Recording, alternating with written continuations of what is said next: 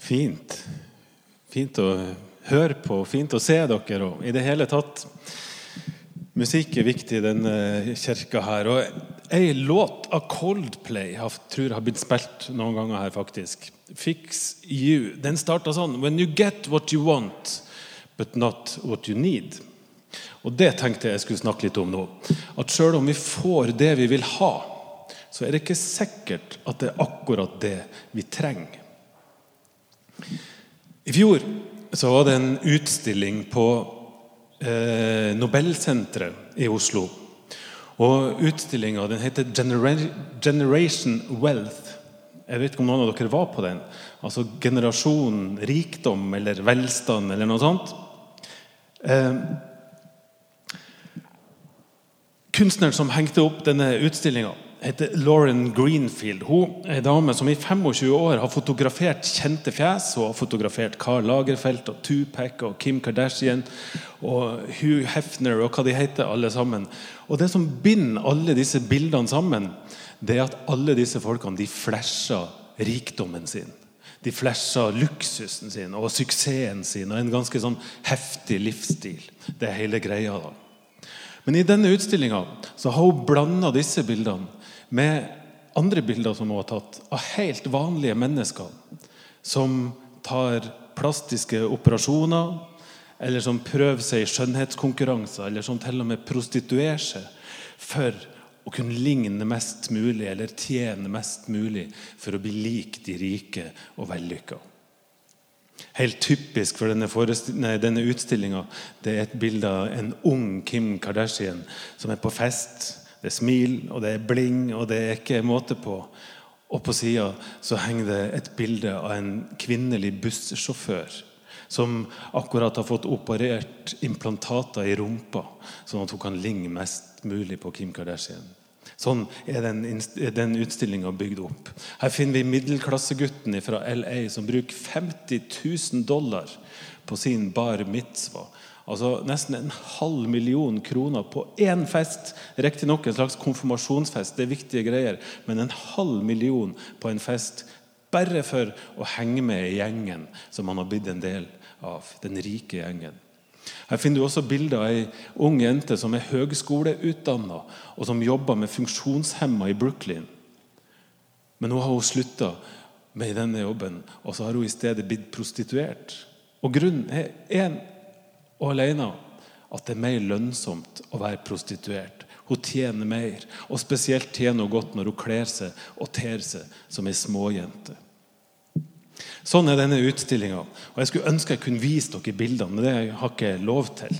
For de bildene de er så mye sterkere enn, er mine beskrivelser av disse bildene. Men det er en heftig utstilling, og det er en ganske dyster utstilling. Og budskapet det er kjempetydelig. Vi vil jo gjerne ha ting som glitrer. Vi ønsker at livet skal fylles med rikdom og med berømmelse. Og vi ønsker at det, vi har en heftig livsstil. Men sjøl når du får alt dette her, så er det kanskje noe annet vi egentlig trenger. Og I et intervju i Klassekampen så sier Lauren Greenfield dette. Hun sier at alle jeg har tatt bilder av, de vil jo være noen ting som de ikke er. Og sjøl når de får det de vil ha, ja, så er de ikke fornøyd. Og så fortsetter hun.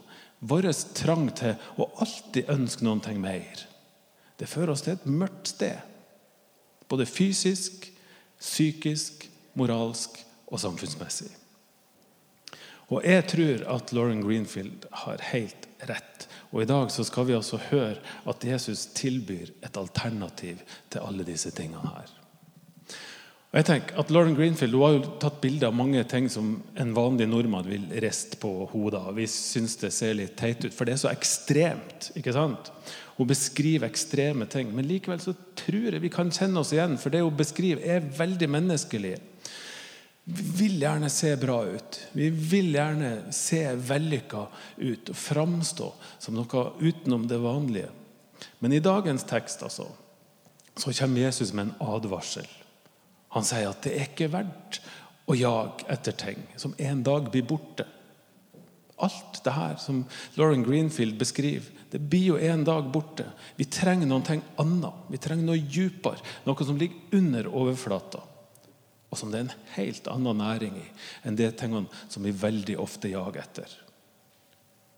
Og så sier Jesus at vi skal komme til Han, så skal vi få det som ligger under der. Og nå skal vi gå til teksten som ble så fint lest her. Og Johannes, som skrev denne teksten for mange mange år siden, han forteller i forkant at Jesus han helbreda massevis av mennesker i denne perioden. her.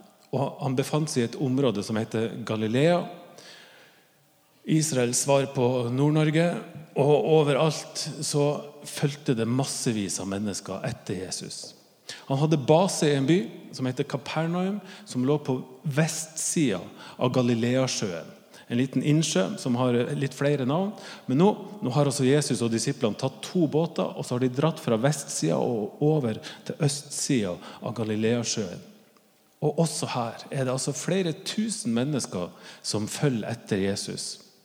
Vi vet at her så er det i hvert fall 5000 menn og sikkert like mange kvinner og barn som oppsøker Jesus på denne sida av sjøen. Og da folkemengden ble sultne, så klarte altså Jesus å mette alle disse med to brød og fem fisk, eller motsatt.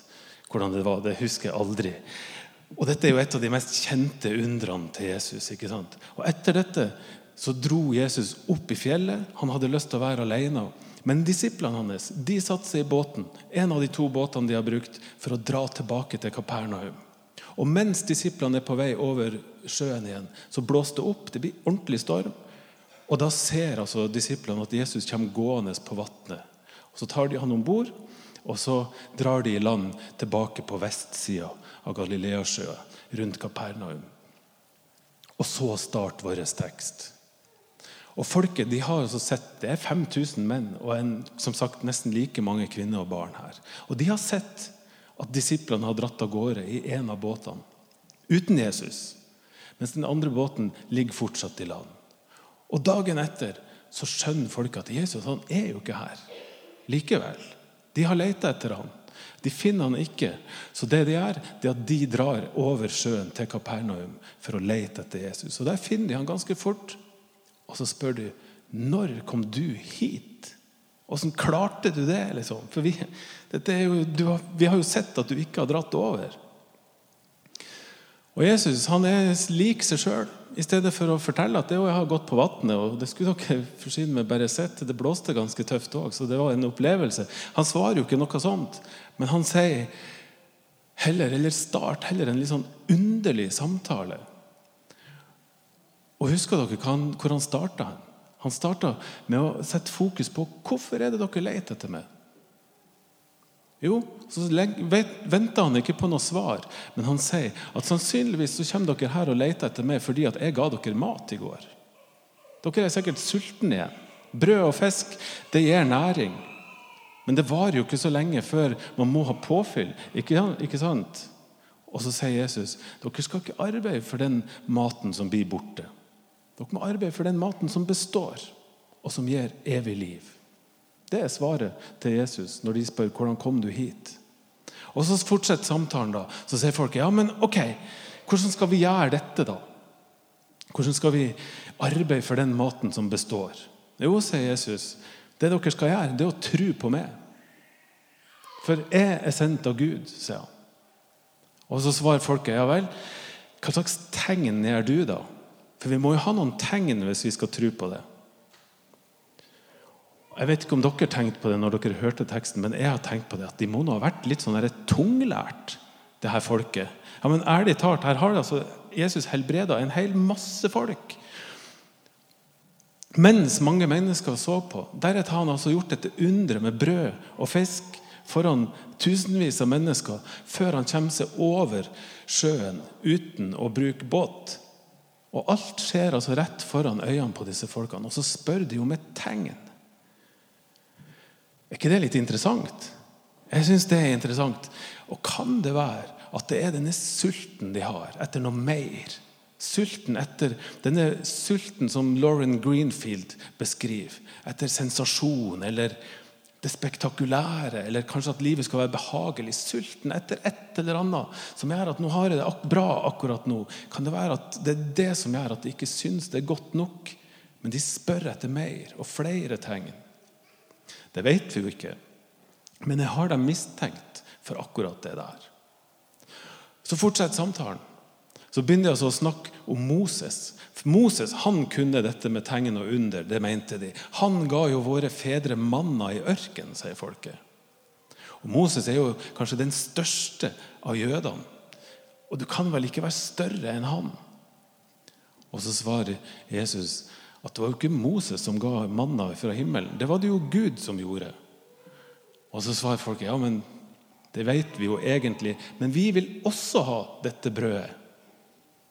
Og så endelig kommer Jesus til poenget. Så sier han det er jo jeg som er dette brødet. Jeg er livets brød. Og sånn som Gud sendte manna til fedrene deres, så har han sendt meg til dere. Men det er én stor forskjell. Folket ble jo sulten etter at de hadde spist manna. Men den som kommer til meg, han skal aldri bli sulten. Og han skal aldri bli tørst. Men han skal få akkurat det som han trenger. Og der slutta vår tekst. ikke det fin historie, egentlig? Så fortsetter og det blir masse krangling og greier. Så du må bare slå opp og lese. Det er ganske heftig, faktisk. Eh, men hva tenker dere om det siste som Jesus sier, og som er poenget i denne, dette utdraget? Hva tenker dere? Tro på meg, så skal jeg gi dere alt dere trenger. Er ikke det et vanvittig sterkt løfte? Og kan det virkelig være sant at det er sånn? Har dere det sånn i kraftverket i dag, som tror på Jesus? Har dere alt dere trenger? Det var ikke mange hender i været her, og det er jo greit, for det driver vi ikke med. Men det vi vet, det er at livet det blir ikke så mye enklere av å tro på Jesus. Jeg hørte en historie her om dagen om en ung gutt som hadde vært på vekkelsesmøte. sånn ordentlig, godt, gammeldags vekkelsesmøte. Og så har han gått fram til forbønn. Altså, ja, jeg vet ikke om jeg skal forklare det, men altså, de, da blir man bedt fram. Alle, og Så kom han fram til en sånn forbønnsgjeng som skulle da be for han, og så sa han at 'jeg har lyst til å gi livet mitt til Jesus'. sa han.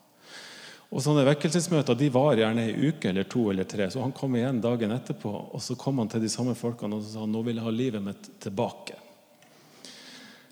Jeg vet ikke om det er sant, men det er jo litt morsomt. tenker jeg, Og så er det litt trist. Men saken er jo at fyren må jo ha oppdaga at det å følge Jesus, det er jo ikke bare enkelt bestandig.